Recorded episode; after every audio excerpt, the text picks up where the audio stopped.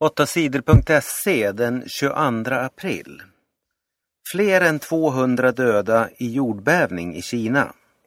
Det var en kraftig jordbävning i Kina i lördags. Många hus och vägar rasade när marken började skaka. Fler än 200 människor dödades i jordbävningen. Fler än 11 000 skadades. Jordbävningen hände i området Sichuan i sydvästra Kina. Räddningsarbetet är mycket svårt eftersom området är bergigt. Ryska plan övade anfall mot Sverige. Under påskhelgen hade ryska stridsflygplan en övning. Mitt i natten övade sex flygplan ett anfall på Sverige. Två av dem var bombflygplan. Planen vände strax utanför Sveriges gräns. När utländska stridsflygplan är nära Sverige brukar de mötas av svenska stridsflygplan. Det är viktigt för Sveriges militärer att visa att de är beredda. Men under den ryska övningen gjorde svenskarna ingenting. Det fanns inga stridsflygplan eller piloter som var klara för att flyga. Det svenska försvaret har tidigare fått mycket skäll. En del experter säger att det inte kan försvara Sverige. I många år lät Ryssland bli att öva med bombflygplan över Östersjön.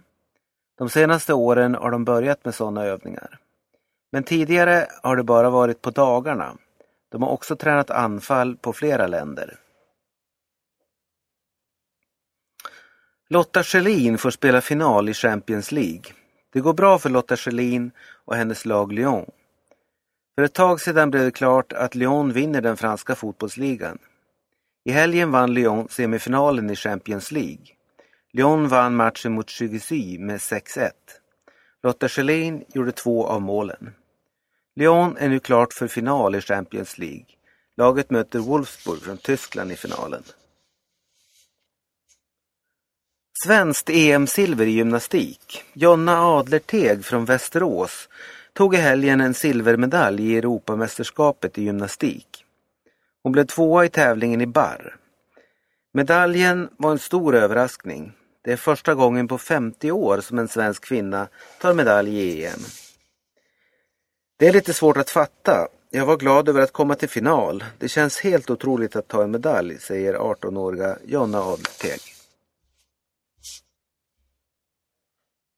Två dykare dog under isen.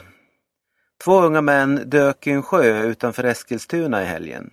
De högg upp ett hål i isen och dök. Männen kom aldrig upp igen. De dog under isen. Vad som gick fel vet ingen. Dykare från räddningstjänsten har hittat de båda männens kroppar. Katrineholm vann SM-guld. Katrineholm är svenska mästare i volleyboll för damer. Laget vann den avgörande finalmatchen mot Lindesberg i helgen. Katrineholm vann matchen med 3-1 i set. Katrineholm vann finalserien med 3-0 i matcher.